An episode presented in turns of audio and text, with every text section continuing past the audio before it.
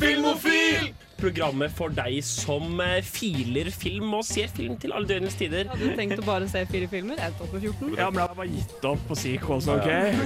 Ikke det Ringenes herre som ser jeg det. Jeg har stor respekt for Niklas Gersh. Den filmen, den var dårlig. Det er bare å gjøre det. Herregud, jeg er veldig klar over at det showet er skitt. Det er nå TV-ofil. Ha-ha. Du hører på Filmofil på Radio Revolt. Hasta la vista, Ja. baby. Ja, hei og velkommen til et nytt år med mer filmofil på lager til dere der hjemme. Vi, eh, vi tenkte å tjuvstarte semesteret litt. Vi har egentlig ikke offisiell oppstart før neste uke, men vi starter på med et smell allikevel, for vi har nemlig valgt å bruke anledningen til å hedre filmåret 2019 gjennom vår kåring av 2019s beste filmer. Og med meg i studio for å dra i land dette kalaset, så har jeg på teknikk. Jarand. Vi har også med oss uh, vår uh, energiboost. Mina! Hun gleder seg i hvert fall til å snakke om favorittfilmene sine. Det Ja. boostes on. Og så har vi også med oss Jenny. Og jeg heter August. Jeg håper dere er klar for en, eh, en filmbonanza her. Vi skal åpne med en låt, nemlig Alt J in Cold Blood. Du lytter til Filmofil på Radio Revolt, og i dag skal vi kåre 2019s beste filmer, i og med at det året nettopp har passert. Og først litt hva, hva kommer til å skje? Eh, det, som, eh, det vi har gjort, er at alle her i studio har lagd hver sin topp ti-liste. Så de sendt inn til meg, og så har jeg merga sammen alle til en svær eh, felles liste. Eh, hvor vi finner på en måte vår kollektive topp ti. Men det er ingen andre i studio som vet hvilke filmer som er på lista. Så det er mye spenningen er til å ta og føle på, rett og slett. Jeg er så spent. Herregud. Jeg er nervøs. Ja, det, er, det er alltid morsomt å være den som eh, programleder disse sendingene. Å være listemaster. listemaster. Mm -hmm. Jeg elsker listemasterjobben. um, men eh, i hvert fall, jeg tror vi har, eh, vi har mange fine filmer på lager å prate om, så det blir stas. Hele ti stykker. Hele ti stykker. Yes. Faktisk enda flere. Ok. Mm. men, eh, men sånn overall, har dere noen tanker om filmåret 2019? Jeg har noe å si her, fordi eh, når jeg satte meg ned med den lista, så, eller jeg begynte å, å logge filmene mine i løpet av dette året, så jeg hadde liksom en liten oversikt. Men jeg, når jeg tenkte på anmeldelsene jeg har gjort for Filmofil, så har de vært så overveldende på den negative siden dette filmåret. Uh, jeg har jo kanskje sett en av de verste filmene jeg noensinne har sett, 'Gemini Man'. Uh, Netflix hadde en film som het 'Polar', som også bare var helt forkastelig. Så jeg har liksom tenkt at det var et dårlig filmår, men så begynte jeg å se på de virkelig gode filmene fra dette året. Og de filmene jeg har likt dette året, de har jeg likt kjempegodt. Noen av de er nå, noen av mine liksom, aller største favoritter. Jeg håper vi får prate mer om de etterpå. Men det er bare sånn, jeg, jeg syns det har vært ganske bra år, egentlig. Ja, Vi må ikke glemme Zombieland 2 heller. Det var, Årets beste film. Ikke, ikke glem av eh, Rambo heller. Altså, vært, men jeg, skjønner litt hva du mener. Det, er- det har vært en del sånn skikkelig dritt, men, men det som er bra, har til gjengjeld vært skikkelig bra. Men Jeg hadde måttet lettere med, for å sette sammen en topp ti-liste i år enn jeg hadde i fjor. Da var det sånn at jeg jobba hele juleferien med å liksom klare å bygge en topp ti jeg kunne stå for. Men det som Sånn var det dominerte for meg, da, det var dramaer, bare så det er sagt. Det merket Mm. jeg i det store hele. At det har vært, ja, jeg syns det har vært noen gode sjangerfilmer også. Ehm, men eh, ja, de, de kommer vi vel tilbake til etterpå. Selv om du, selv om du sikkert har rett i at det kanskje er sånn litt overordna. Eh, Jenny Mina? Jeg tenker at i hvert fall kinoåret 2019 har vært veldig opp og ned. Eller i hvert fall det startet, føler jeg, ganske greit. Og så høst, på høstparten så dalte det veldig. Ja, enig. Det tok seg liksom opp i sommer da Detektiv Pikachu og sånn kom ut. Og så, det var liksom, og så Midtsommer, da, som var på en måte Mm. Det var sommeren. Og så bare Det var Så var det kanskje to bra filmer i høsten, og så har, det ikke vært, har jeg ikke liksom lagt merke til så veldig mye mer. Men streamingplattformen har vært ute med ting, og Netflix fikk et par Mm. filmer på min liste. Jeg mistenker at de har dukket opp andre steder også. Vi får bare se, da. Det, det, det er bare å vente og se. Eh, jeg tenker vi nå hører eh, Blue Swede med 'Hooked on the Feeling', og så tar vi litt sånn honorable mentions etterpå. Velkommen tilbake til Filmofil. Her skal vi i dag kåre tiår Eller forrige, eh, forrige års beste filmer. 2019s beste filmer. Det er vanskelig å gå inn i både nytt år og nytt tiår samtidig. Ja! ja. det, blir, det blir et eh, Vi kan spoile så mye som at det blir et til Listorama i løpet av dette semesteret, men det, det, kommer, det kommer mer på sikt. Men eh, vi begynner med en liten sånn honorable mentions-kategori. For det jo, vi har jo sett en del gode filmer som måtte ikke kom med på felleslista også. Jeg tenker Vi kan begynne med deg, Aran. Den høyest plasserte filmen på din liste som ikke kom med på topp ti, det var High Flying Bird. Ja, Mm. det, det så jeg vel litt komme, men der tror jeg altså det er fordi dere ikke så den. Nei. Jeg så, jeg så High Flying Bird nå i jula, etter å ha sett den på lista di. Ja, ok, Kult, men skal jeg få lov å åpne og forklare hva den handler om, da? Selvfølgelig. Ja, det er en Netflix-film, og jeg tror jeg snakket om den eh, tidligere i fjor, på Mm. sending, uh, av Steven Soderberg, en regissør jeg er veldig veldig glad i. Og Han har filmet denne filmen på en iPhone, så det er liksom en veldig sånn en gimmick som preger hele filmen. Men det den handler om, er en fyr som jobber uh, som på en måte manager eller sånn agent for NBA-spillere. Og så er NBA-ligaen i eh, noe som kalles en lockdown. Så det blir veldig, sånn, det blir veldig internt for hva NBA-ligaen er nesten med en gang. Han møter en av spillerne som prater om sånn Når ligaen, eh, det er basically ligaen er i streik, da får ikke jeg spilt noen kamper, men pga. kontrakten min så får jeg ikke liksom gjort noe annet heller. Så jeg sitter bare her og tjener ingen penger. Og han er sånn, da må du slutte å bruke penger på å leve luksuslivet. Da. Han sånn, nei, jeg er jo, jeg er jo den feste fyren. Og så prøver han, så prøver han å måtte beholde klientene sine og ende den lockdownen. Og på en veldig sånn lur måte så klarer Soderbergh å gjøre det til nærmest en heist-film. Eller en slags sånn krimthriller. Men det er bare For blir, han høstler så utrolig hardt, han hovedkarakteren. Hvis den skal sammenlignes med noen andre Steven Soderbergh-filmer, så er det nesten litt sånn Oceans. Eleven-feel over den. Eh, personlig syns jeg nok ikke den hadde, nådde helt det energinivået jeg føler han, han kan på sitt beste. Den ble, ikke, den ble ikke New Oceans Eleven for min del, men jeg skjønner litt hvorfor du liker den så godt. Altså Som åpningsscenen, Mm. når han eh, sitter der og spiser lunsj med denne klienten sin. Det var så, det var så utrolig sånn energisk filmskaping fra, fra første sekund. da Og så får du, det, du får en ekstra respekt for hvor godt nå er filmet på iPhone. For når, når jeg, jeg skjønner at han ikke bare har iPhone uten at han fester en kamerarigg til den, og, så videre, og, så videre, og at iPhone hovedsakelig er modulen som tar opp. Men når jeg prøver å ta et bilde med telefonen min, August, da blir det så dårlig. og Soderberg flekser så sykt hardt. Men uh, jeg syns den er veldig cinematisk, og jeg var, sånn, jeg var ordentlig grepet av på en måte heist-biten i den. da, eller den, ja. Det er veldig kult at Netflix lar han, lar han få gjøre det, Ja. rett og slett. Uh, De har, de har, har stelt i seg mange spennende prosjekter dette året. Men igjen, Jenny, jeg tenker vi går videre til din. jeg. Ja, hei, August. Eh, din høyest plasserte film som ikke kom med, Mm. det var en av årets eh, mest anerkjente filmer, faktisk. Det var Joker. Å ja. Jeg trodde det skulle være en annen film, men OK. Hmm, ja. Mm. Fordi jeg så denne filmen to ganger på kino. Det var ikke fordi jeg likte den sånn supergodt av den grunn, men fordi jeg ville på kino, og så så jeg den en annen gang. Og det ødela filmen bitte litt for meg, men jeg syns fortsatt den var ganske bra. Du anmeldte den jo faktisk for Filmofil, så hvis noen vil høre din første Nei, ikke hør på den. Den var skikkelig dårlig. Det ligger en anmeldelse der ute. det, det ligger en anmeldelse der ute. I vår Joaquin Phoenix-sending. Mm. Men jeg syns det jeg liker sånn veldig veldig godt med filmen, er at første gang jeg så den, så var det spesielt musikken og skuespillet til godeste Joaquin Phoenix. Det er så bra. Og musikken er helt fantastisk. Og da jeg så at hun eh, Hildu-dama Ja, vant en Golden Globe ja, for jeg ble så glad. Mm. Jeg sa at det var sånn Ja, go you! Ja, det må jo sies, Joker er jo kanskje den mest spennende sånn, eh, superheltfilmen, i den grad det kan kalles en superheltfilm, som har kommet i det siste. I den grad det er en blockbuster og en av de mest spennende blockbusterne. Ja, den, den tør virkelig å Den gjør noe litt annet. Ja, den tør virkelig å ta det ned og gjøre det til et drama, Mm. eh, og det støtter jeg veldig, da. Personlig så ble den sånn det, Jeg ble aldri så engasjert som, som jeg trodde jeg skulle bli, eller håpet jeg skulle bli. Altså, det var noe med at den var veldig hypa, men, eh, Ja. Men Joker er en veldig fin film med et par veldig store vorter for meg som jeg ikke klarer å se bort fra. Den har noen skavanker som jeg virkelig sånn Den første transformasjonsscenen hans når han danser inn på badet på det offentlige toalettet, så jeg tenker sånn Dette er for artsy for denne filmen. Dette blir for dumt. Hæ, syns du det ble for dumt? Det synes jeg blir for dumt. Jeg syns det var skikkelig bra. Jeg. jeg, Det, var, det er liksom det Musikken og skuespillet, bare alt sammen gikk veldig godt sammen i den, akkurat denne scenen. det er sånn, ja, Vi skjønner at han er gæren og at han forvandles. Vi trenger ikke ballettsekvensen av det. Jeg likte det. Men uh, mitt, uh, jeg syns det var litt annerledes, for jeg syns den hadde fått for lite hype. For jeg Ja. forventet en skikkelig dårlig DC-film, Mm.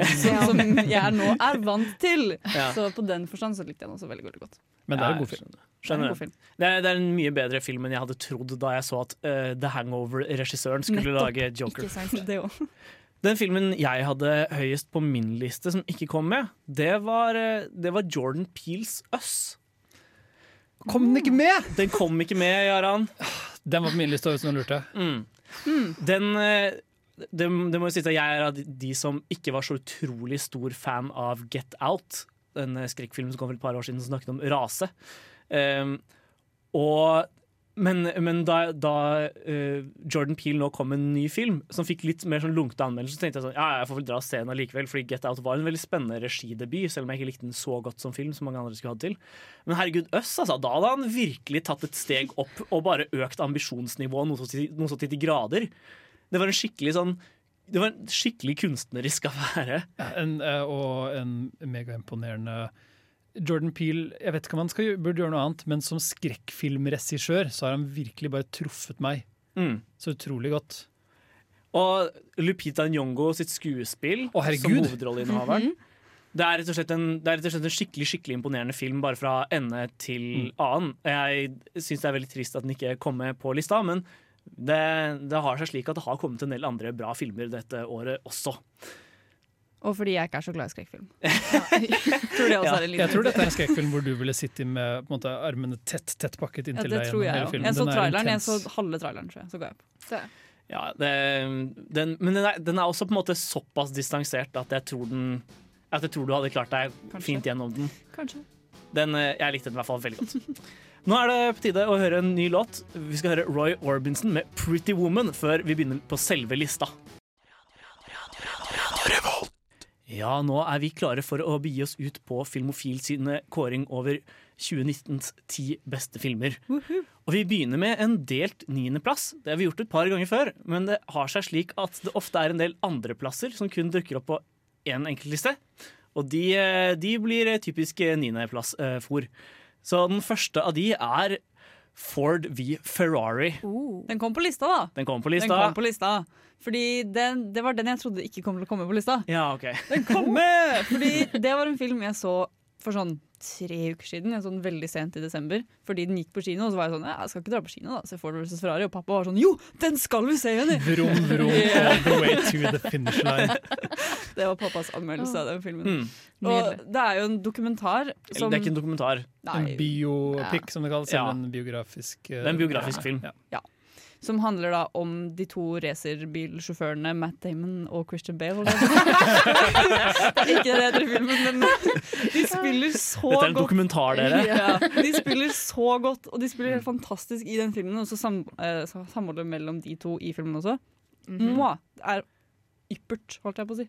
Jeg har faktisk ikke fått sett den enda, og egentlig ikke så interessert i racersport. Så jeg, ikke, vet, jeg vet ikke bakhistorien. Hva er liksom driven deres gjennom filmen? Nei, fordi jeg liker jo egentlig ikke racerbilsporten heller. Jeg har aldri hatt noe forhold til det. Jeg har en venninne som elsker det. Jeg var sånn, jeg gidder ikke det her. Men det den klarer å gjøre, er liksom å veldig dumme det ned på et nivå sånn at folk som Oi, oi, oi! Folk som meg kan forstå det. Og det setter jeg veldig pris på, men jeg skjønner at liksom det er ikke et språk som ekte racerbilsjåfører som ville brukt i virkeligheten. Mm. Men de dummer det ned for å få et større publikum, da. Ja, Premisset for filmen er jo at Ford skal prøve å slå Ferrari på et sånn 24-timers race. Le Mans. Le Mans. Du må på en måte finne noe mer for å trekke interessen til folk som ikke er bilinteresserte, føler jeg. Men det er store Ja. skuespillere og, og Drama er på en Ja. måte egentlig hvordan disse, disse racerbilsjåførene skal klare å overvinne det store Ford-firmaet for å få gjøre racerbil på den måten de vil. stick it to the big guy. Ja, stick it to the big guy. Eh, jeg dro jo og så denne på søndag. Og Den går fortsatt på Trondheim kino. eh, og det er en veldig det er en fin og underholdende film. Mm. Jeg, jeg koste meg. Jeg tror nok Det som trakk bitte litt ned for min del, egentlig er at jeg eh, er så utrolig glad i Rush. Ja, For de som ikke vet det, så er Rush en Formel 1-bilfilm eh, i litt samme stil som kom for et par år siden. Og jeg syns Rush er på en måte hakket bedre, eh, og det gjorde at på en måte, Ford v Ferrari drukna litt i sammenligning, men jeg tror den mest var det som ødela for meg. Ja, for den har jeg også sett, men den Ja. husker jeg ikke så mye av. Så da, det, da er ble den mye bedre. det, er sånn, det er kanskje grunnen til at jeg er nysgjerrig på f.eks. Ford v Ferrari, er fordi jeg syns Rush er en knakende god film. Og det tror Ja, men jeg jeg anbefaler å sjekke det ut. Det, den er, det, om ikke annet en fin film å bare se en kveld. Mm, sant. Eh, på den, andre, den andre filmen som kom på delt eh, niendeplass, det var Knives Out. Yes! Ah, nydelig. Du, du var fan av Knives Out, Mina. Ja, jeg likte den så godt. Jeg dro og så den med sjefen min, og vi begge to satt og basically satt og småsqueala i kinosalen. Og det var, den jeg syns bare den var så bra. Mm. Det var bare hele spenninga, og det var sånn litt sånn Poirot-aktig. Hele mordløsning-greia. Det er liksom, Hva hvis Daniel Craig var Poirot? Ja!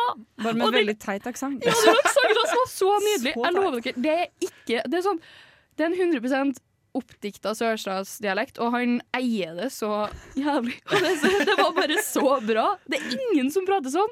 Nei, det er en grunn til det, Mina. Han gjorde det så nydelig.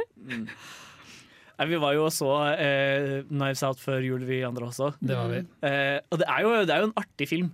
Mhm. Jeg koste meg veldig med den. Den er veldig godt filma. Ja.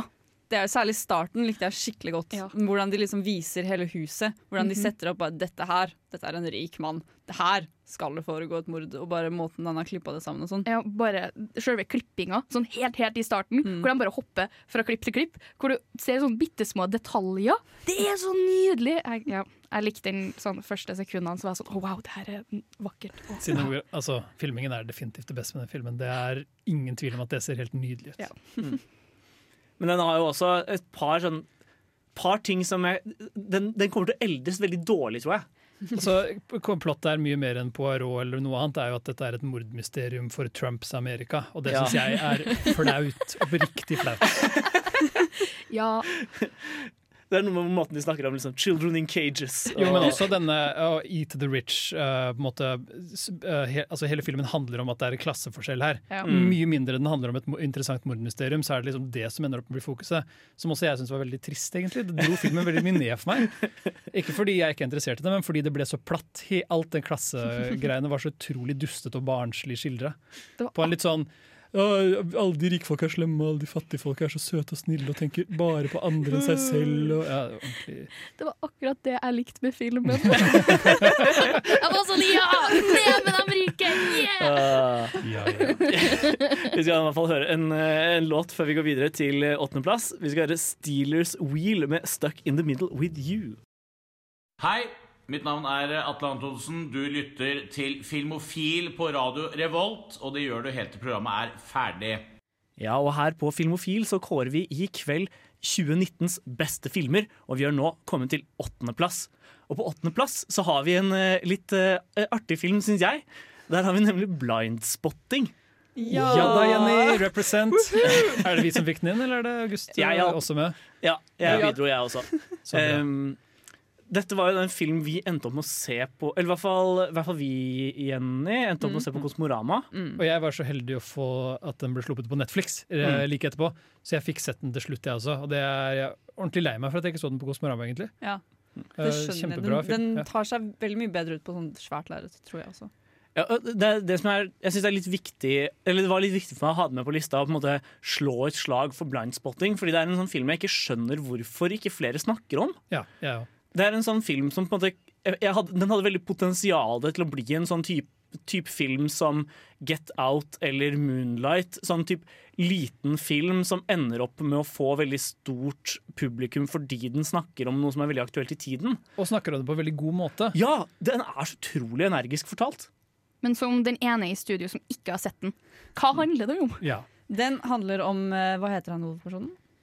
Husker du om det? det har jeg glemt bitte litt akkurat Det er i hvert fall Ja. en hovedkarakter som nettopp har kommet ut av fengsel. Eller han har ikke nettopp kommet ut av fengsel, han er på probation, så han har to dager igjen. Colin. Colin heter han. Ja. Ok, Så Colin han har to dager igjen av eh, probation, hva heter det på norsk? Løslatelse? Ja, Prøveløs. Ja, prøveløs, prøveløs, ja. Og så vil han da prøve å ikke ødelegge den sjansen han har fått, Mm. egentlig. Og så Og han er litt- da en sort fattig mann, Ja. eller liksom kommer fra en lavere klassefamilie i Um, Oakland. Ja, i Oakland. Mm. Uh, Ah. Så det er Ganske tidlig i filmen så er han vitne til at politiet skyter en uskyldig sort mann, blant annet. Og det er liksom, Filmen illustrerer veldig godt at uh, det er litt vanskelig å holde seg på matta, ikke bare fordi han, ikke pga. fristelser, men bare fordi det er veldig liksom, han, du lever i en, et miljø med veldig så mye spenning bare knyttet til det å være sort og Mm. fattig. da. Men, men noe av det jeg synes var så fint med den, var at den ikke endte om å handle om det. Jeg husker Da han, ble, da han var vitne til det drapet, så tenkte jeg sånn OK, men da, da blir det en sånn film. Eh, om at han må gå mot, uh, mot rettsvesenet og sånne ting. Ja. Men så endte den opp med å bare ta en mye bredere samtale om, eh, om rase- og klasseforskjeller, forskjeller, eh, også på tvers av eh, Også på tvers av rase, da. Ja, fordi Det som blir kjernen i filmen, er vennskapet mellom han og kameraten hans, Mm. som er øh, egentlig bråkmakeren i gjengen. Ja. Og det viser seg at den utløsende hendelsen som fikk han i fengsel, det er kanskje litt hans feil også. Oh. Og han er, øh, han er hvit, men har en veldig sånn sterk tilknytning til de fatt, det fattige prosjektet som begge to har vokst opp i. Da, skjønner du? Ja. Så han har en veldig sånn sterk identitet knyttet til det. Og så blir det, det blir liksom dialogen og, og samspillet mellom de to som begge to ønsker å komme bort derfra, men heller ikke miste identiteten sin. Det blir veldig den videregående boka alle måtte lese om, som het Black and White, hvor din, Å han nei, ene havna i ikke, fengsel, ikke eller? så enkelt. Okay. Uh, jeg, vi måtte også lese den i Ja. engelsken. Eh, jeg vil ikke jeg sammenligne de. Men, eh, for denne, jeg, jeg får den kanskje høres litt platt ut, men den er på ingen måte det. Fordi karakterene er så rike og levende Ja. og føles som ekte mennesker. Og de, de er på en ekte plass, og det føles veldig ekte. Og de gjør sånn helt hverdagslige ting også. De jobber at for flyttefirma, og Ja, han har en ekskjæreste som han prøver å- å komme tilbake med sammen med. Og, ja. prøver å selge hårfønere. Det- den er også filmet på en ganske spennende måte, liksom, eller spennende måte, men måten den er strukturert på også, for de hopper på en måte ganske mye innimellom også. Men de klarer å holde tråden ganske godt gjennom hele filmen, da, og så gjør den litt mer Og så er det en del veldig kule sekvenser knyttet rundt uh, rapp der, som er ordentlig gode. Ja, de, Når han prøver å selge hårfønere med en, eh, med en rap. Det, det er ordentlig, ordentlig gøy å se på. Mm. Blindspotting er en sånn film som alle liksom burde vært snakka masse om. Den burde fått noen Oscar-nominasjoner for beste manus. Og den burde liksom Jeg Den tror, burde det er, jeg tror det er en regidebut, eller ikke? Den Nei, det er ikke en regidebut. Men det er skuespilleren som, en av skuespillerne som er ansvarlig for det. Ja, det er, det er i hvert fall en veldig veldig god film. Den har vært skal nominert til en del Mm. Nå skal vi høre en låt. Vi skal høre Stay Young med The North før vi går videre til sjuendeplass. Vi er nå klare for å gå løs på sjuendeplass på vår kåring over 2019s beste filmer. Og på sjuendeplass der finner vi Marriage Story. Å, kom den så langt nede? Å, nei. Stakkar Jaran. Ja. Hvordan eh, hva, hva handler The Marriage Story Ja, om? Da får eh, jeg æren av å innvie alle sammen til, til Marriage Story. Marriage Story. Ja, ikke The Eh, Marriage Story. Det er filmen om to øh, kreative øvre middelklassemennesker, så- hvite øvre middelklassemennesker som skal skille lag. De har vært gift en liten stund, og har fått et barn. Han er en anerkjent New York-teaterregissør, og hun er en ganske velkjent skuespiller som har hatt litt suksess i Hollywood og i New York uh, i skuespillene han har regissert. Og så er det bare ekteskapet deres kom til et punkt hvor De må skille seg. ja, hvor de er klare for å skille seg. Og så Filmen avdekker på en måte gradvis hva som funker og ikke funker i forholdet. Den åpner med at begge to sier hva de liker best med hverandre. Og så får vi bare sånn veldig hardt Scenen når de, når de to er ferdig med å forklare det, så blir det bare en, sånn, en skikkelig hard scene hvor du ser hvor langt fra hverandre de har vokst. Og bare filmspråket i den åpningsscenen er så utrolig bra! Det er så utrolig, det er så, det er så godt filmet. og sånn Fra første sekund jeg visste jeg kommer til å elske denne filmen. Så er det Adam Driver som gjør sitt livs rolle. Dette er hans beste prestasjon så langt. Det er det. Uh, han kommer sikkert til å gjøre bedre senere, men det er for en rolle. Hvis han ikke vinner en statue for den, prisen, så, nei, for den rollen, så blir jeg ordentlig lei meg. Scarlett Johansson er også i toppform. Laura Dern er der og rocker den rollen så sykt hardt. Laura Dern eh, vant jo Golden Globe eh, nettopp for den Velfortjent. rollen. velfortjent. Mm. Hun, har, hun, har en, hun tar på seg en karakter som er sånn åh, Jeg vet- tipper at alle de ekle Hollywood-advokatene er akkurat som henne. Mm. Ray Liotta for så vidt er god i som ekkel Hollywood-advokat. Han er enda eklere Hollywood-advokat Mm. når det kommer til stykket. Men uh, for, uh, det er eh, Noah Baumbach som har laget den for Netflix, eller med en Mm. avtale med Netflix. Og Netflix har altså virkelig bare gjort det så bra. De, på lista, I hvert fall på lista mi, min personlige, så har Netflix hatt et kjempesterkt år. Ja, For din del så var det vel i hvert fall fire filmer som måtte hadde Norges release på Netflix. Hvis jeg ikke husker feil. Yes. Uh, dette er ikke min første Baumbach-film. Jeg hadde sett Squid and the Whale før. Men Jeg hadde sett halve The Squid and the Whale før. Eh, jeg kom halvveis inni, og så ble det så kleint at jeg pausa og aldri skrudde på igjen. Men du kan på en måte se stilen hans i denne filmen, føler jeg, da, selv om jeg bare har en annen film. Han har Ja. en veldig sånn eh, jordnær måte og en veldig sånn naturlig måte å filme på. Og skuespillerne får virkelig mulighet til å skinne, så det blir på en måte skuespillernes film veldig fort. For meg så ble det litt sånn Det var ikke noe Det var liksom det var en bra historie der. De forklarte det ganske De gikk gjennom hele handlingsforløpet og hvordan denne skilsmissen tok, tok seg til. da Ganske godt, men for meg så ble den litt Den ble litt platt. Jeg gråt på slutten av filmen. Det gjorde ikke jeg. Det gjorde jeg. Jeg hadde, jeg hadde tårer i øynene uh, i, den aller, i det aller siste Så den rørte meg ikke like mye som deg, da. Og så syns jeg Laura Dern var så irriterende, den karakteren. Jeg Ja, men det er jo så- poenget, Jeg vet poenget. Jeg vet det, men åh. Du merker også at Denne filmen er laget veldig fra et sånn New York-perspektiv. Ja, herregud. Du merker veldig at Noah Baumbach er en av dere New York-folka. Han Syns sånn- Hollywood er litt absurd. Han har en sånn Woody Allen-vibb rundt seg. Ja. der, alle filmene mine finner sted i New York, og jeg er bare en fyr som bor i New York, og New York er så fantastisk og magisk. Og, men, Du kan gå alle steder. men jeg blir litt, jeg blir litt um, Hva skal man kalle det? Jeg, det, det? Det treffer meg litt, sånn kjærlighet for steder som har så mye karakter og farge. Mm. Uh, det er en ting som jeg liker litt med Woody Allen-filmer. for så vidt. Jeg liker egentlig også at han kritiserer Los Angeles-stilen litt. Det at alle, alle bare snakker om hvor utrolig romslig det er. Men det er sikkert morsommere hvis du bor i områdene. Ja. Uh, men for meg så er det virkelig kjærlighetshistorien, eller på en måte det, må... den, det motsatte av kjærlighetshistorien. da. Mm. Antikjærlighetshistorien. Jo, men det ligger en kjærlighet der. Og det er en, Ja. Cardio har en replikk der som legit knakk meg når hun skriker 'Jeg kan ikke tro at jeg skal kjenne deg resten av livet mitt'. Hvor jeg bare sånn Å, au! Å, wow! Det er ordentlig fælt å, å se for seg liksom hvor, hvor mye menneskelige følelser kan strekkes, og så se det skildret så brutalt. Ja, altså, jeg synes Noe de også var veldig gode på å skildre, var måten de begge fortsatt hadde veldig sterke følelser for hverandre, Mm. eh, men samtidig hvordan forholdet deres bare ikke kunne fungere.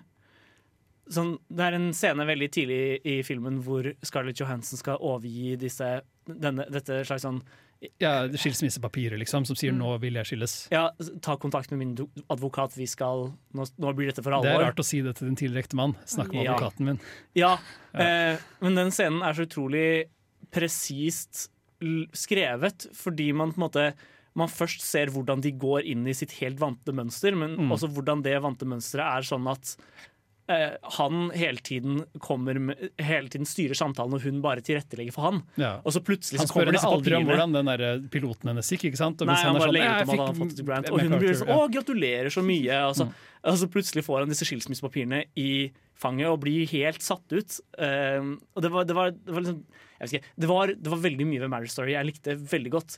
Den, måte, den traff meg ikke så hardt som jeg hadde håpet. Uh, og Derfor endte den ikke opp liksom, på topplasseringen, men jeg hadde den med på topp ti. jeg også. Det er i hvert fall en film som er verdt å sjekke ut for, for alle som har en Netflix-bruker der ute. Vil du? Ja, men nå skal vi høre en eh, låt. Nå er det tid for Kak Madafaka med 'Runaway Girl', før vi beveger oss videre på listen. Velkommen tilbake til Filmofil. Vi kårer i dag 2019s beste filmer, og vi har kommet så langt som til vår delte femteplass. Wow! Enda en deling. Enda en deling. Vi har vært gode til å stemme akkurat eh, likt på filmer i år. Den første av de delte femteplassene den går til ingen ringere enn eh, årets skrekkfilm nummer én, nemlig 'Midtsommer'. Ja da, Ja, der er den. Den filmen der, altså. med. Og den slo meg så hardt ut. Det var helt forferdelig. Det var, jeg satt på hytta sammen med pappa og så den, og så etterpå så var pappa sånn Vi skal ikke se en film til. Og jeg var sånn Jeg trenger ti minutter. Ja, du det er en film eh, man må hente seg inn fra og liksom Mm. fordøye litt. Ja, Jeg var helt slått ut. Jeg bare lå der. Var sånn, jeg vet ikke hva jeg skal gjøre med livet mitt nå. Har du lyst til å forklare hva den handler om også, eller? Veldig gjerne. Det handler om to stykker som er i et ganske dårlig forhold, da, kan du si. Mm. Og så er det, ja, fordi han ene han skal da på guttetur til Sverige, holdt jeg på å si. Ikke guttetur, da, det er en som skal skrive doktorgra- doktoravhandlingen sin om eh, Hva heter det? Sosialantropologi. Ja, Eh, om, om sånne folkeritualer, festivaler Ja. Uh, eh, sommerfestival. ja, Det er Midsommerfestivalen. Ja. Men de er jo liksom de, de, de prater om det som det er en guttetur. For den er sånn, Ja, Tenk på det. alle de svenske damene du kan pule når du er i Sverige. Du må bare slå opp med hun først! Ja, ikke sant. Ja.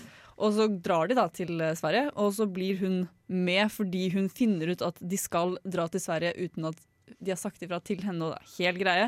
Så Og så tør ikke han å si 'nei, vi skal på guttetur'. ja. Eh, Han har stedet, veldig liksom. mye skyldfølelse han går og bærer på, som på en måte Mm. bare surner forholdet enda mer. Og hun har ennå ikke klart å liksom stå på egne ben som en person etter noe veldig traumatisk som skjedde for henne. Mm. ja, åpningen til den filmen, herregud. Det er jo noe, det òg, ja. Det har jeg glemt litt. Ja, men Det er litt greit å komme inn i den filmen uten å vite akkurat hvordan åpningen funker, Ja, for den, er ganske, den slår Ja. ganske hardt. Det er uh, brutal start på Ja. en ganske brutal film. For det er jo det, de kommer de til denne festivalen, og så er det regissør Ari Aster, han er svensk, som har regissert denne filmen, og han slo igjennom for et par år siden med 'Hereditary'. Og Hvis du har sett den, så skjønner du kanskje litt hvor denne filmen er på vei hen. Uh, men 'Midsommer' er på, en måte, på mange måter en invers av 'Hereditary' for meg.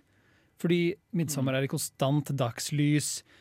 Det, det, blir helt det blir en helt annen form for uhygge når, alt er et så, når du er fanget i et gammelt mørkt hus, sånn som i Hereditary. Mm. Uh, og volden er ikke like sjokkerende. Den er sjokkerende, men den, den blir fremstilt på en veldig sånn kald og naturlig måte. Fordi ingen, ingen av disse Holga-kultfolkene som de er i, de Mm. som bor i denne, har denne festivalen, de er ikke onde.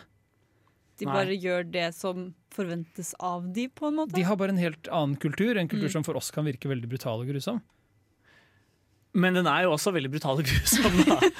Om den er Ja, den er jo det. Bare det, at, ah, det at de har som tradisjon at du skal avle fram en sånn innavla gutt. Ja, fordi Som- han er den, han, den tilbakestående er den eneste som kan skrive de hellige tekstene deres. Å ja, Mm. selvfølgelig. Fordi når du er, når du er innavla, så klarer du ikke å formulere ekte ord, men det er gudene som taler gjennom det. Da. Ja, Mm. ikke sant. Mm. Og så er det opp til uh, the elders å tolke det. det Men samtidig så skjønner du da hvorfor en uh, antropolog bare virkelig tenner på dette. mm. Men det verste også er hele den, for det virker veldig idyllisk. Hele filmen er jo i, dette, i denne lille kulturen de har, hvor de bor og sånn. Det er kjempefint der, det er flott og liksom mesterlig og alt mulig sånn. Men det er så, hele stemningen er så ekkel. Man sitter og er liksom ubehagelig. Vondt i magen gjennom hele filmen. Ja. Ja, det var akkurat derfor. Fordi, spoiler alert, det her er en film jeg ikke har sett igjen! 2019 var et dårlig film, filmår for min del. Men Du hoppa over alle de gode filmene Ja. mine. Du Ikke så sant? for oss to, da. ja. Nei, men jeg tror grunnen til at jeg var sånn i starten var sånn, Nei, den her orker ikke jeg se, for jeg trodde jeg så bare liksom blomsteren og, og var sånn Å ja, det her er en sånn Jentefilm. Ja. Oh, det er det absolutt ikke. Og så, og så er sånn Først slo i men jeg skulle, ønske, jeg skulle ønske du hadde gått til den filmen i den tro at det var en sånn derre «Ui, Jentetur til Sverige! Men det Det du, det du trekker gøy. frem der, det er på en måte hvor, en av de tingene som funker så bra med filmen. At Mm. den stemninga burde vært der, og den hintes på en måte til at den er der for alle de andre. Ja. Og, så kon, og så blir kontrasten så sterk med hvor sånn Ja, utrolig sterk angstfølelse du får av alt som tilsynelatende er så idyllisk. men jeg tror det er det som gjør den så bra for så mange. At du har de kontrasterende følelsene, og den blir så jævlig, rett og slett. Og filmens kjerne er egentlig plottet til en romcom. Det, er, det handler om et brudd. Ari Aster har jo sagt selv at eh, It's a breakup movie. Ja. Så det er Og det, gøy at og det er det! Det er gøy Ja. at denne er back to back med Marriage Story på lista vår. Ja, det, det det er er på en måte filmer som handler om nøyaktig det samme. Der har du det, dere. 'Midtsommer' og 'Marriage Story'. To sider av samme sak, Double feature blir det snart. Om dårlige forhold som må brytes opp på et eller annet vis. Poetisk. Med, med ytre, ytre press som ikke nødvendigvis har Som ikke nødvendigvis noen kommer godt ut av. Ja. Men før vi hører femteplass nummer to, skal vi høre en ny låt. Vi skal høre 'Finding Neo' med 'Walk Slash Run'. Nå eh, skal vi ta femteplass nummer to på Filmofil sin kåring av 2019s beste filmer.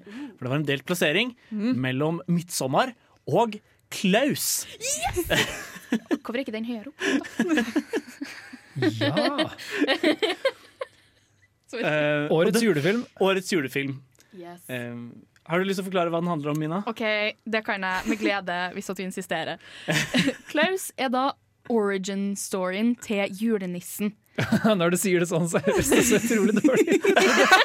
Men det, men det er jo ikke det! Ja, det er det, men Det er sånn, Julenissen møter bortskjemt, rik eh, postmannssønn som blir sendt oppover langt opp til nord. Eh, Var det Grønland eller Island jeg skulle forestille? jeg tror det er bare et fiksjonelt sted. Det er faktisk basert på eh, ekte eh, Her kommer det historie. Skulle til ekte plass. Ja. Ja, faktisk. Facts. Uh. Anywho, uh, så da har du da den her postmannssønnen som reiser oppover, hater livet, han vil ikke være postmann, Uh, men så finner han ut det at OK, hvis at jeg bare leverer nok brev, så kan jeg gjøre faren min stolt, og jeg kan få godene som man får av å være rikmannssønn. Men så møter han folk som bare vender synet hans på denne reisen. Og han finner ut at nei, vet du hva, det her er ikke det jeg vil. Og han møter eh, ja, Klaus, som da er Klaus skulle til julenissen. uh, som er en trist gammel eh, Hva heter han? Leketøysmaker. Ja, eller noe sånn leketøysmaker. Tremann. Ja. Ja, en fyr som jobber med trær, treverk. Ja. Uh, som, Snekker. ja, som Jo, men han er på en måte en, en snekkerkunstner. Uh, Ja. det kalles? Håndverker-snekker. Snekkerkunstner. Han er er en mer- han er julenisse. Spikker. Ja, spikker. Jo, men også høvler. Ja, Ja. søvler. Enig. Han har faktisk en høvelbenk, så det har du rett i. God høvelbenk, Men ja. Sløydmann. ja. Det er Så- det er den nye tittelen. Sløydmann Sløydmann Klaus. Sløydmann. Nei, i hvert fall. Det er en eh, historien som har et litt sånn trist utgangspunkt for begge karakterene, ender opp med å få en litt sånn koselig vri. Det spørs hvordan du ser på det mot slutten. Eh, mm, jeg syns det var en koselig vri. Eller, Ja, noe av det som fascinerte meg med Klaus, er at alt Eller når jeg skal på en måte gå gjennom handlingen i ettertid, så er alt veldig sånn klisjépreget og veldig, Sånn, Veldig. veldig standard. ja. Men så funker den så bra! ja. Jeg er enig med deg der, men det er altså både i at det er litt sånn Dette burde ikke være så bra som det er, men jeg har også likt den kjempe, kjempegodt. Mhm. Og noe av det har med animasjon å gjøre. Ja. Jeg har savnet Eller det er bare deilig å se noe som har en annerledes animasjonsstil. Ting begynner Ja. å ligne så mye på hverandre. Uh, og jeg, det, er, det, er, det er en blanding av håndtegnet og datagenerert. Eller, ja. det Det er litt sånn sånn 2D, 3D. ja, en slags 2D, 3D. Jeg vet ikke helt hva de har gjort der, men det er, det er jo Det ser sånn litt ut tidvis som om de har tegna oppå eh, eh, 3D-animert Ja. eh, Ja. Men jeg likte på en måte looken til den ganske godt. Det var en del ting jeg likte veldig veldig godt, i hvert fall. Visuelt. Det er 2D-animasjonsteknologi. Hva betyr det? Det Det er 2D, så mye. 2D-animasjon. Det er ikke Hvis at dere har Ja. sett uh, for eksempel eh, Full Metal Alchemist, så er den ene karakteren der veldig 3D-animert. Uh, det er veldig forskjellig fra 2D-animert. Ja, jo, Ja. men, Men ja. det, er jo forskjellen mellom Toy Story og Snøhvit. Ja. Jeg skjønner det. Definitivt. Eh, men Og så er det også noe med bare hvor mye sjarm og varme den filmen utstråler i, Mm. i alle karakterene sine. Jeg var veldig, veldig sånn Å ja, han postmannsønnen. Mm. Det første jeg tenkte var sånn Dette er bare Kusko.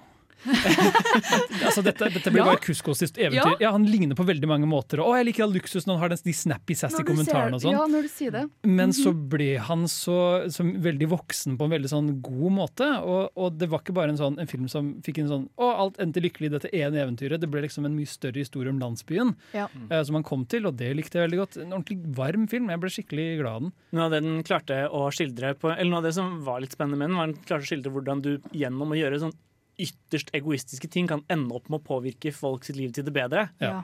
Eh, og så må, du bare- og så må du bare se at du har gjort noe bra for andre, og fortsette mm, Eller å, å prøve å opprettholde det i stedet for bare det egoistiske som satte deg i gang. da. Og så har du òg det faktum at eh, nummer én, animasjon var bra, budskapet er flott, men du har òg det faktum at de har med en eh, liten same slash sápmi-jente Ja, som faktisk ser. faktisk snakker samisk, og som oh, ja, du forstår Nei, det er faktisk en samisk jente jeg trodde, ifra jeg trodde det var tullespråk. faktisk samisk, og det er, en, det er en liten jente, jeg tror hun er fra Norge, faktisk òg, eh, som har fått eh, stemme, eller fått rollen av den. Og det er så fantastisk, for at ja, du har faktisk samisk eh, representasjon. Det er veldig veldig sjelden, faktisk. Ja, og det er så nydelig. JK Simmons er Klaus, og da det er god voice acting. Ja, han var, han, jeg elsker J.K. Simmons, han er så fantastisk. Um, og han gjør en fantastisk jobb som Jeg har ikke sett denne filmen, men bare det at jeg så at JK Simmons hadde stemmen, det gjorde med en gang mye mye Mhm. bedre. Ikke Han sant? passer veldig til å være en sånn gretten gammel Ja. sløydmaker. Sløydmann. Sløydmann. det? Sløydmann. Ja. Det liker jeg. Det er, det er rett og slett en utrolig søt julefilm. som Jeg tror kommer til å bli en sånn Jeg, sånn, jeg gleder meg til å vise til familien neste år. Ja. Det, det, det, den er bare koselig fra start til slutt, rett og slett. Nå skal vi høre Depresno med Mr. Big før vi beveger oss videre i sendingen. Men bli her, for vi har fortsatt mange gode filmer på laget. Ja, musikkprofilen til Filmofil blir aldri fullendt uten litt Øystein Sunde der, altså. Nå eh, tenkte, Den observante lytter tenkte kanskje over at vi aldri lot Mina få muligheten til å fortelle om sine honorable mentions denne sendingen. Og det har en grunn, som jeg skal formidle nå. Og det var at jeg hadde fått inn liste fra både Jaran og Jenny. Uh, og jeg hadde selvfølgelig min egen liste. Hadde satt sammen det, satt sammen det og tenkte liksom, hm, lurer på hva, hva li- Mina sin liste kommer til å gjøre med dette. Men det var jo selvfølgelig ingen filmer fra Mina sin liste som overlappet med noen av de andre listene. Yes, selvfølgelig. Så jeg tenkte vi skulle gi deg litt mulighet til å snakke om resten av lista di, Mina. Sånn at du får fortalt, fortell litt om hva slags filmer som er der, og hva, hva du har satt pris på med filmåret 2019. OK, uh, ja, for det, jeg har hatt et veldig dårlig filmår. uh, det må jeg helt ærlig innrømme. Jeg føler at 2019 har bare glazed over for min del når det har kommet til filmutgivelser. jeg. Men det var et par filmer som virkelig eh, berørte meg. Eh, og da har du blant annet Klaus. Den er så fantastisk. Jeg elsker Klaus. Eh, men så har du òg de filmene vi, eller et par filmer vi har sett på Ramaskrik. Blant annet The Furies og A Good Woman Is Hard To Find. Men dem har vi prata om tidligere. Mm. Eh, så da kan du dra og høre på Ramaskrik-sendinga vår. I stedet for den her, så kan jeg heller prate om El Camino og Unicorn Store! Ja Fordi. El Camino har vi vel ikke prata om ennå. Nei, vi, vi ønsket egentlig å gjøre en skikkelig god Breaking Bad-oppvask, men Ja. vi fikk bare ikke tid, og det er litt leit. Jo, Ja. bare sånn, Prate om hele Ja, ja. serien, prate om Better Call Saul, og så runde av med El, Cam El Camino. Jeg kan spare den.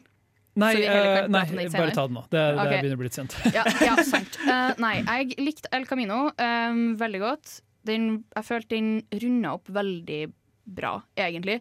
En ting jeg synes var litt forvirrende, var at jeg hoppa Eller det var ikke forvirrende, men det var litt godt og samtidig. Du hoppa så mye fram og tilbake. Og så, ja. Eh, Fordi du så Breaking Bad for første gang i år. ja, eller du, i fjor. Ja, men Ja. Du, du, på en måte, du, du så alt, og så kom El Camino ut, og da hadde du hele serien ganske ferskt i minnet. Så for deg så ble det nesten som bare et påheng til siste episode. Ja, Mer enn for f.eks. en som meg, som har sett serien kanskje tre-fire ganger. ja ikke sant? Og så eh, kom filmen, og så var jeg litt sånn Hva var poenget med dette? Uh, det ble veldig fort min innstilling. da Ja. Det er en godt laget film, men det var litt sånn Å ja, den ga meg ikke noe det forrige episode i serien på en måte ikke Ja. allerede ga meg. Ja, sant. Ja, det var litt samme her også, for jeg så Breaking Bad for ganske lenge siden. Jeg tror jeg så det på ungdomsskolen eller noe sånt. Oi, oi, oi. Og så kom jeg tilbake nå og skulle liksom endelig få sett Jesse action igjen. Gledet meg. Og så var det litt sånn Hvorfor gjorde dere det her? Det da? var veldig masse traumer. Ja, Ja, men jo De blir liksom ikke rydda opp i. Nei. Han får en ny start, men det visste vi allerede at han kom til å få. Så jeg ville mye heller sett liksom de gå gjennom litt dypere Det, det, det subplot som er forholdet mellom han og, og uh, Todd, eller Dodd, Mm. uh, det ble ganske bra. Men jeg ble spent på The Unicorn Store. Hva slags Ja. film er det, Mina? Okay, Det er en film som faktisk ble gitt ut i, av eh, Toronto film, eller under Toronto Filmfestival i 2017. Men den kom ikke ut uh, i Norge eller noe sånt før i år. Um, Eller i fjor. Ja, ja, i fjor. Sorry. Eh, som er en film som handler om Unnskyld, August. En struggling, struggling artist. Mm. Ja Spilt av Bree Larson. Ja, det er hun som har hovedrollen, ikke sant? Ja, nå Også, har jeg sett den på Netflix. Jeg har sett Ja. den vært der. Ja. Jeg, syns den er så koselig. Det begynner å bli en stund siden jeg har sett den nå. Jeg så den med en gang den kom ut på Netflix. Uh, for jeg var sånn ah, Brie, jeg må se den! Og så ble jeg veldig fengt av uh, fargene på, på coveret. Det er veldig lett å fenge meg, med andre ord. Men den handler basically om uh, hun her som er en veldig barnlig voksen person. Eh, alle rundt hun vil at hun skal være en mer voksen person, men hun klarer ikke å gi slipp på sitt barnlige indre. Veldig glad i enhjørninger, regnbuer, glitter. Du kjenner deg veldig igjen, med andre ord. Ja, det er akkurat å si det! Det er en karakter jeg kan føle meg veldig igjen i. Men bortsett fra filmfestivalen i 2017, så tror jeg faktisk den kom ut 2019, for det er en Netflix-film. Ja. Og det er Bree Larsens regidebut. Ja. Uh, så dette er på en måte hennes Jeg syns det virket litt som et sånn vanity-prosjekt, eller sånn forfengelighetsprosjekt. Ja. Og se på meg, jeg er Bree Larsen, jeg kan skuespille og regissere på en litt sånn Og se på meg, her spiller jeg Min første film handler om en kunstner som jobber med kunsten sin. Ja, men igjen så føler jeg at det er, veldig, det er en veldig Brie Larson-ting å gjøre, for at hun er veldig sånn Jeg driter i hva dere sier, jeg syns jeg er en kul person, så derfor så gjør jeg det jeg syns er kult. Og det gjør at veldig mange ikke liker hun. Hun er en veldig sånn du, kan, du ser det på Instagram-profilen hennes òg. Bare, bare Instagram-profilen hennes er en veldig godt bilde av hvem hun er. At hun er veldig sånn Vet du hva, jeg liker den jeg er, og jeg bryr meg ikke om at du ikke liker at jeg liker hvem jeg er. Og nå vil jeg lage en film om enhjørninger. Ja. Nei, det har vel ikke så mye med enhjørninger å gjøre, egentlig. Uh, jo, den har Unicorn faktisk Store er vel den butikken Sam Jackson gir henne ting fra, holdt jeg på å si. Nei, det er der hun, Eller- hun skal få en ekte enhjørning. Å ja, hvis Ja. hun er flink nok. Ja. Mm. Hun blir lova det. Det er en veldig absurd Det film. høres ut som en veldig, veldig Nick søt film. Fury er med. Se den. Ah, ja, nå nå skal vi høre Det var i hvert fall Mina sine favoritter fra 2019. Uh, nå skal vi bevege oss videre til hovedlista igjen, etter at vi har hørt JFDR med Airborne. Radio Revolt. Nå er vi klare for fjerdeplass på Filmofil sin kåring over 2019s beste filmer. Ja, ja. Og på fjerdeplass, der har vi, der har vi Shoplifters. I august. Det var kanskje ingen stor overraskelse for ja, eh, noen av dere at jeg hadde den veldig høyt på min liste. Eh, Men det var min soleklare favorittfilm i år. Eh, 'Shoplifters' er den nyeste filmen til en regissør som jeg har blitt veldig veldig glad i i det siste, ved navn Hirokazu Koreeda. Eh, Han lager japanske samtidsdramaer om rare familiekonstellasjoner. Og det er det han gjør. Han har på en måte holdt på med det i hvert fall siden 2000 og- 2008 eh, med Still Walking. Alt er bare sånn filmer om en eller annen familie som er litt rart konstituert, og så blir det drama basert på det. Så det kan være at um, man har mistet Eller at man har blitt sånn halvveis skilt fra kona og har et litt rart forhold til henne og sønnen sin. Eller det kan være at man får inn en ny stesøster.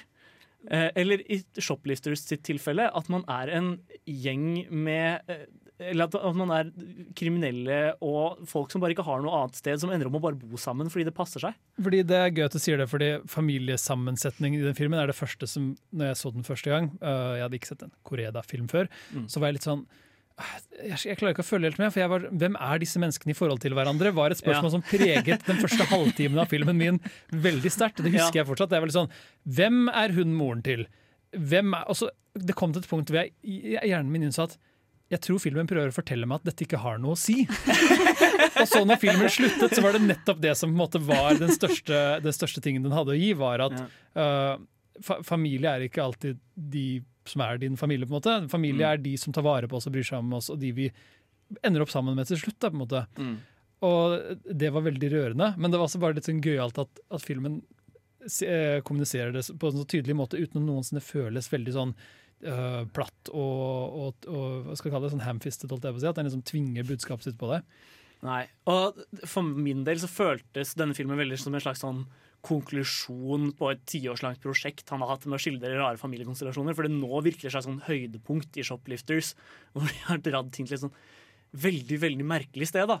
Um, det er en slags sånn bestemorskikkelse der som tydelig eier huset, men så, og så bor de hjemme hos henne, men så innser du at de på en måte kanskje ikke egentlig ble invitert dit noen gang. Nei, Det altså, som om de har liksom en, en, en, en, eh, ikke en datter, men et barnebarn, Mm. som du skjønner at ok, det er barnebarnet hennes. Hvor er foreldrene hennes? For det er åpenbart ikke de andre som måte er mor- og farsfiguren i huset.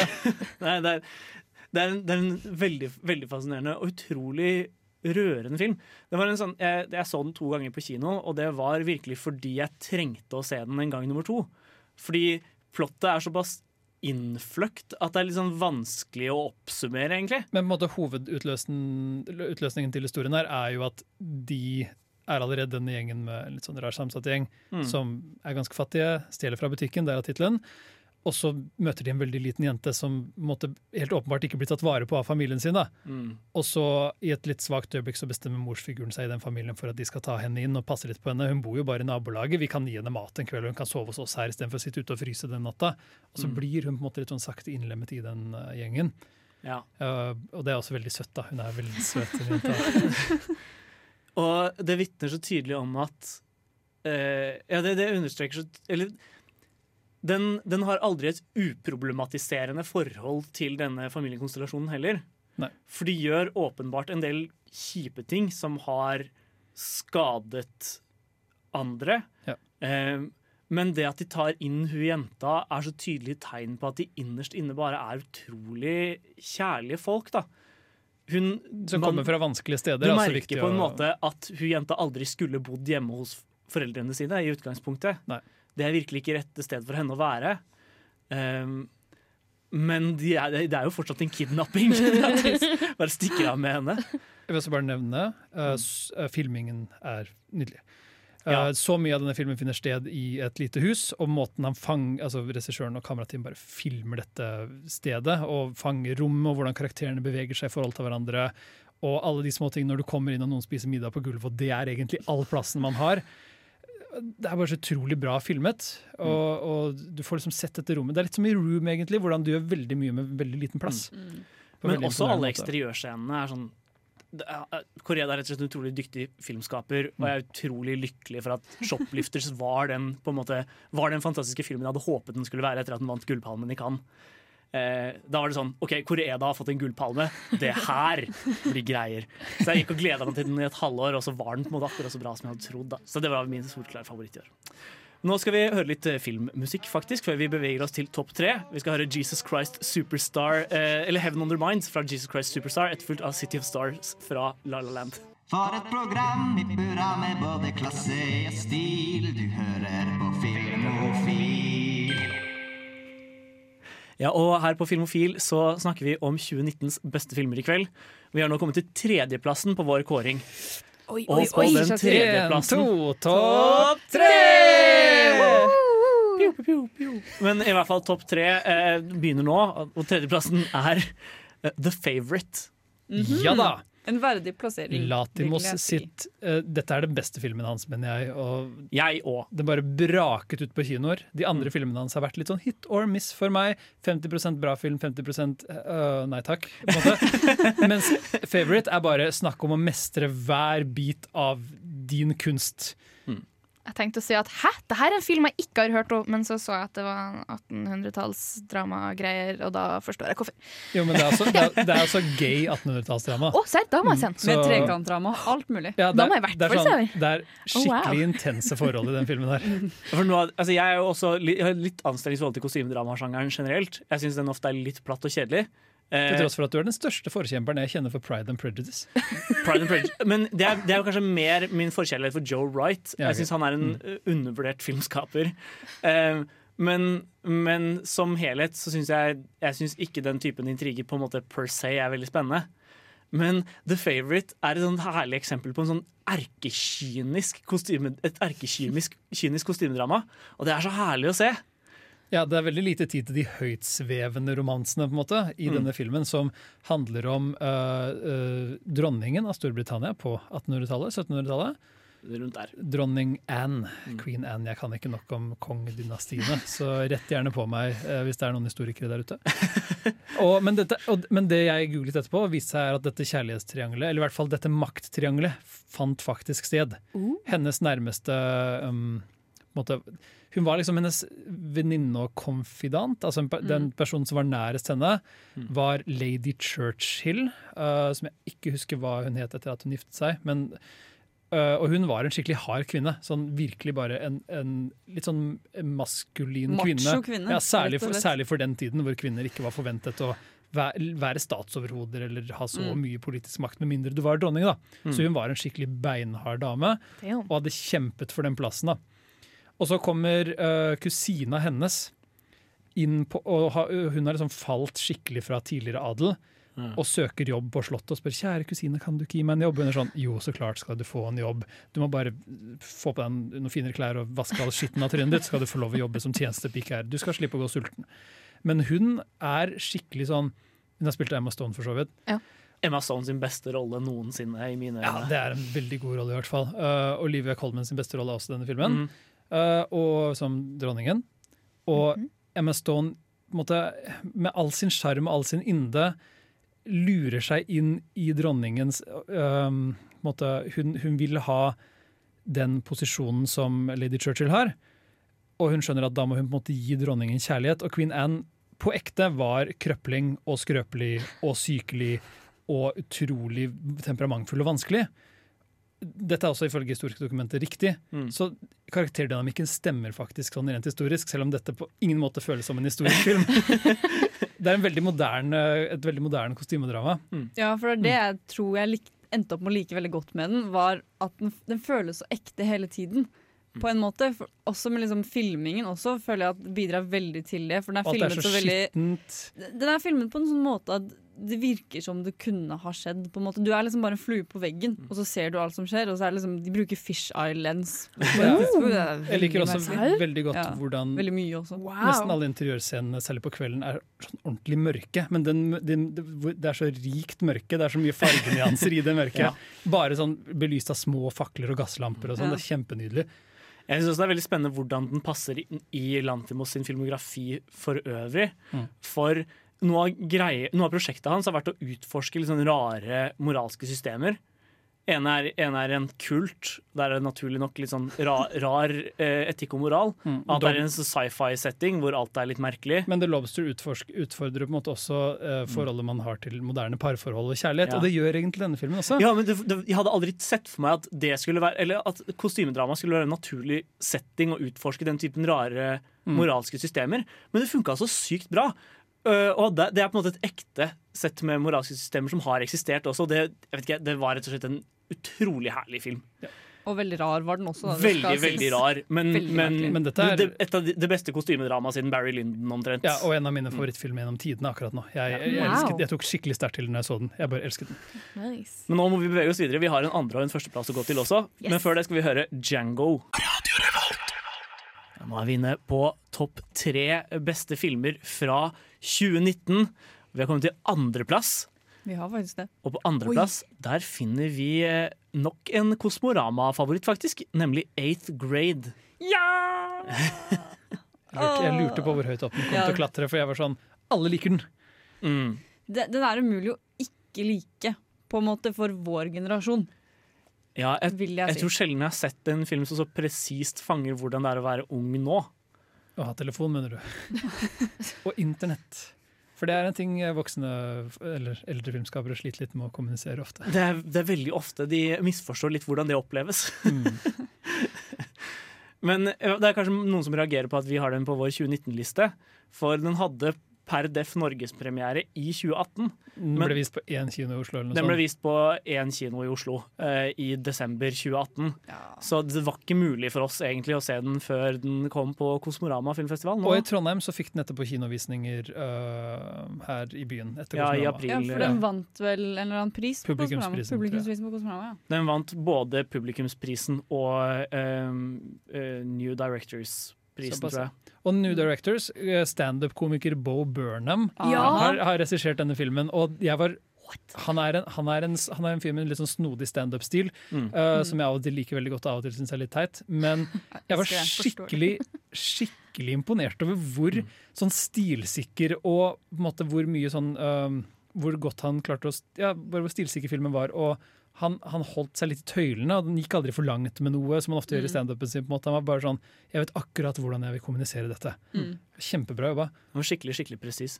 Filmen handler jo om en ung jente som uh, blir Hun går vel i eighth grade, men det tilsvarer vel litt mer sånn norsk tiendeklasse. Ja, hun er sånn 13-ish. Ja, Noe men det, det, er sånn, det, det er litt sånn siste året på ungdomsskolen, bare Mm. at hun er litt yngre enn det vi ville vært i samme situasjon. Uh, og hun skal på en måte snart begynner på videregående og prøver på en måte legge det kapitlet litt sånn Eller og, prøver, og, Prosessen med å avslutte det ungdomsskolekapitlet Mm. viser seg å bli veldig mye sårere for henne enn hun hadde tenkt da hun begynte på ungdomsskolen. Og det er på en måte konflikten nærmest i filmen. Og hun er jo ikke vært en av de populære og kule jentene på ungdomsskolen. Hun, men den fanger veldig godt hvordan det er å være en av de som ikke er kule og populære. Det er ikke, det er ikke sånn 'jeg er en nerd med briller og dårlig ryggholdning og, og jeg liker bare nerdeting'. Det er sånn, Nei, hun er bare en keitete jente som ja. For den handler like mye om det at hun skal prøve å komme seg videre i livet på en måte og bli en større jente. Men opp, ja. også det å bare overleve den tiden Ja, av livet sitt på skolen. For det er jo Hun er jo ganske klein og ganske Hun driver liksom Hun har sin egen YouTube-kanal hvor hun liksom legger ut videoer. Hi, every, Og så er det sånn to så- views. Ja, og så later hun som at livet hennes er mye bedre enn det egentlig er. Mm. Og så er det det forholdet hun har med faren sin og alt mulig sånn. Dette er jo en tid i livet hvor når sånn, hvis pappa er klein, så er det faktisk jordas undergang.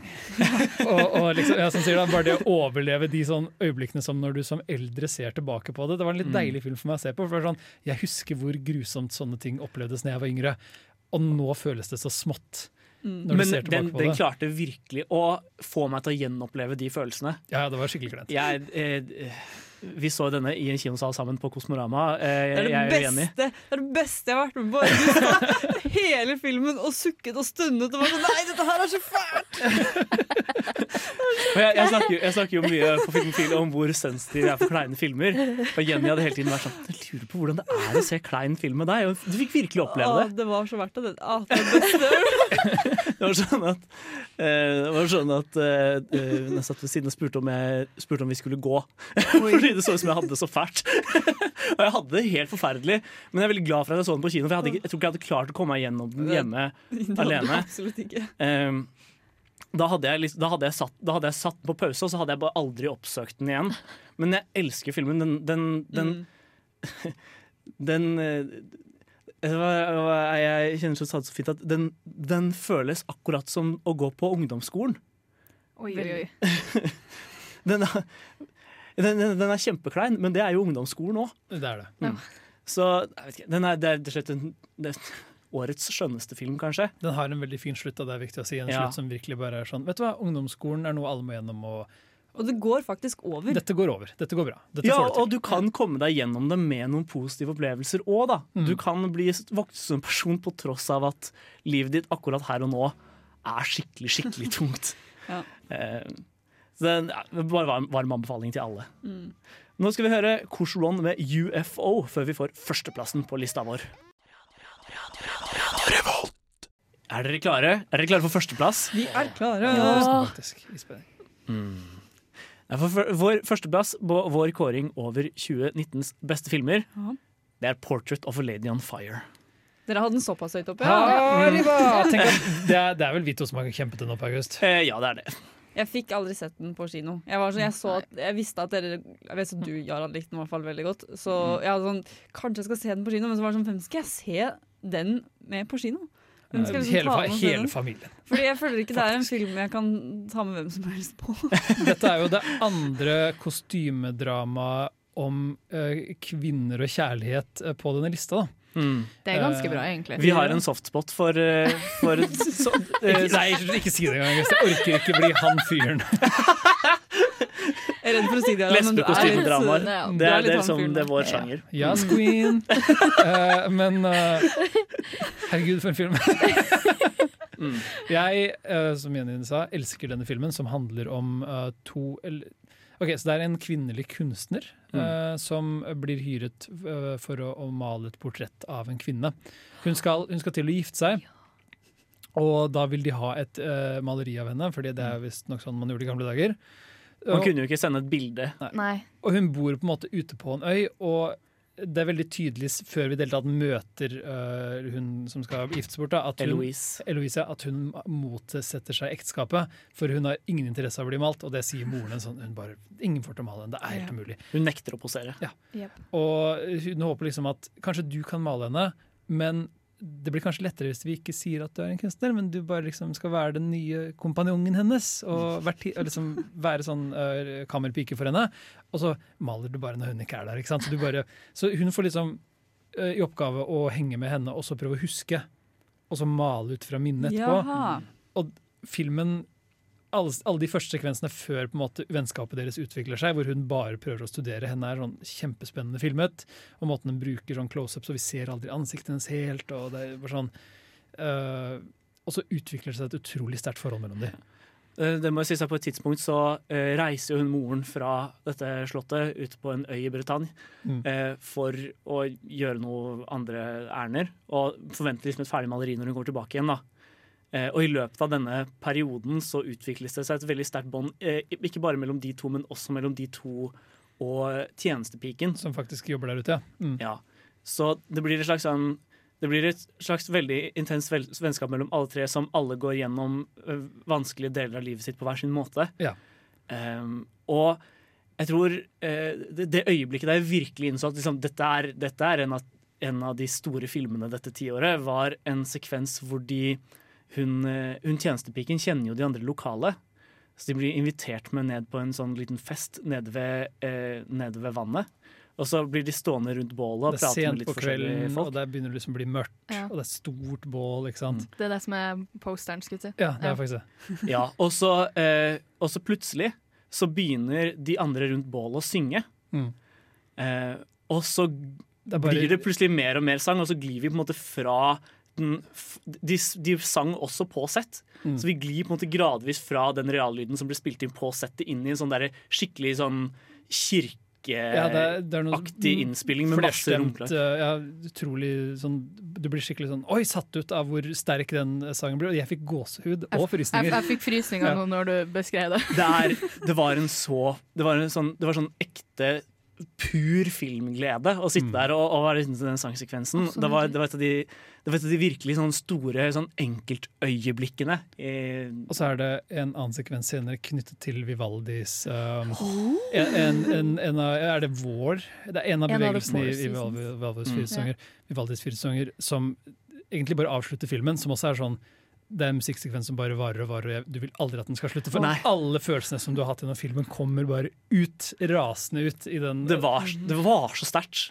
Um, så Det er vanskelig å forklare plottet og forklare hvor mye man føler den filmen på kroppen. Mm. faktisk. Jeg har sett den her på lista deres, på, eller på topp 100-lista. og Jeg har sett den overalt. Og så har jeg vært sånn 1800-tallsdrama. Men idet du begynte å beskrive den, så kom jeg på at jeg har sett traileren. Ja. Og da jeg så den, så var jeg sånn Å, herregud, den her vil jeg se! Den her må jeg se! Og så- Skuespillerne helt fantastiske. Bare traileren er er Jeg prøver å huske hva hun heter, hun ene Uh, August husker det helt sikkert. hvilken husker. Adele Arnell, hun Ja. spiller Eloise i hvert fall. Ja. Det knallgod, mm. og uh, det er bare Jeg har en annen ting jeg virkelig virkelig liker med men jeg klarer ikke å huske hva det var akkurat nå. Den er jo også bare utrolig godt skrevet. Den vant jo prisen for beste manus i Cannes. Wow. Og den er så utrolig godt tenkt ut, for den handler på en måte om det å se hverandre. Men Eh, nå skal jeg bli han fyren og si at det er også en dødssexy film. Det er også en dødssexy film. er. da, da vi gikk ut av kino sammen, så gjør han dette er kanskje den mest sexy filmen jeg har sett. det er den mest sexy filmen jeg har sett, kanskje siden Carol. Ja, Så du ja, er litt Carol, Carol ja. er en sexy film som eh, på alle måter Det- Men, men dette er i hvert fall for min del en av årets beste filmer, og for din del årets beste film. Gøran. Jeg valgte den som årets beste film. Men eh, det var, det var lista vår. På vei ut skal vi høre Wow Me med Ball Right. Det var dessverre hele vår sending for i kveld. Vi har kåret 2019s beste filmer. Og det har vært gøy. Det var Ja. kjempegøy. Anbefaler deg å sjekke ut hele lista ved å gå inn på radiorevolt.no slash programmer slash filmofil og høre den på nytt, eller gå inn på Spotify og høre oss på podkast eller lignende. Vi uh, har en viktig uh, meddelelse å komme med dere. For vi tar opp uh, en ny dette semesteret. Ja, det gjør vi. Så hvis du har lyst til å være med og prate på radio med oss, så håper vi veldig intenst at du går inn på samfunnet.no slash opptak og graver oss fram der. For eh, vi, vi ser etter alle filmnerds der ute We og håper dere, du har lyst til å være med og prate med oss.